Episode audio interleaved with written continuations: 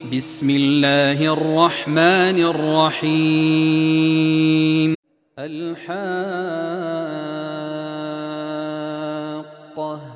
ما الحاقة؟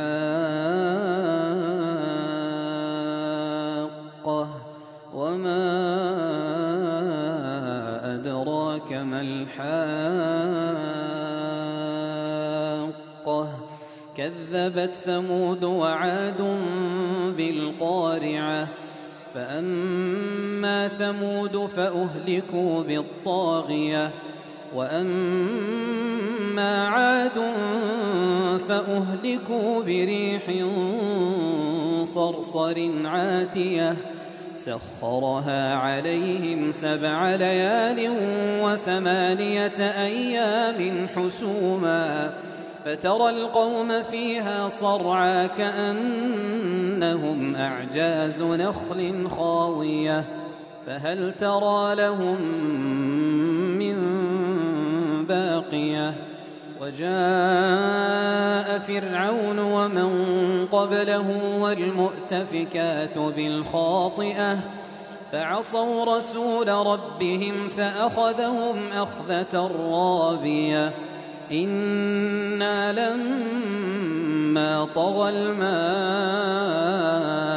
حملناكم في الجارية لنجعلها لكم تذكرة وتعيها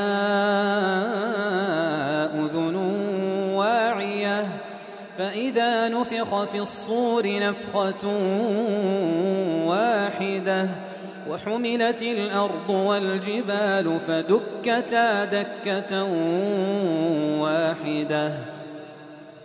فيومئذ وقعت الواقعة وانشقت السماء فهي يومئذ واهية. والملك على أرجائها ويحمل عرش ربك فوقهم يومئذ ثمانية. يومئذ تعرضون لا تخفى منكم خافية. فأما من أوتي كتابه بيمينه فيقول هاؤم اقرءوا كتابيه.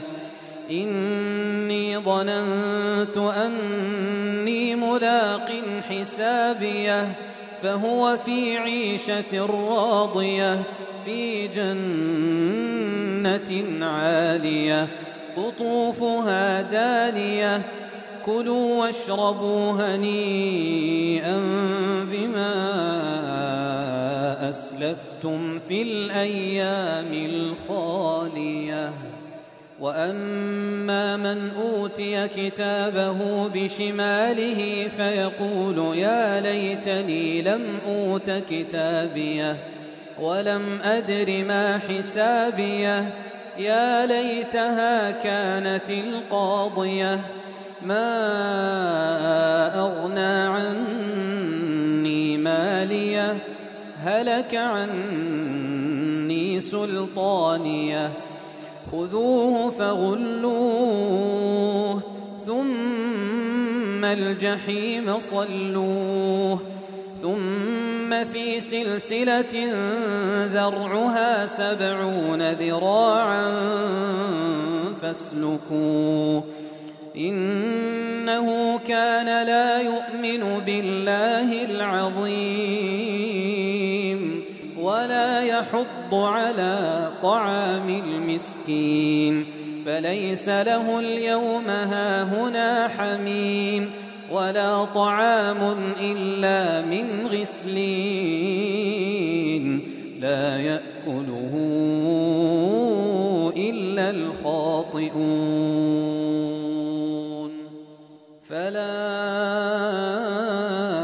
أقسم بما تبصرون. وما لا تبصرون إنه لقول رسول كريم وما هو بقول شاعر قليلا ما تؤمنون ولا بقول كاهن قليلا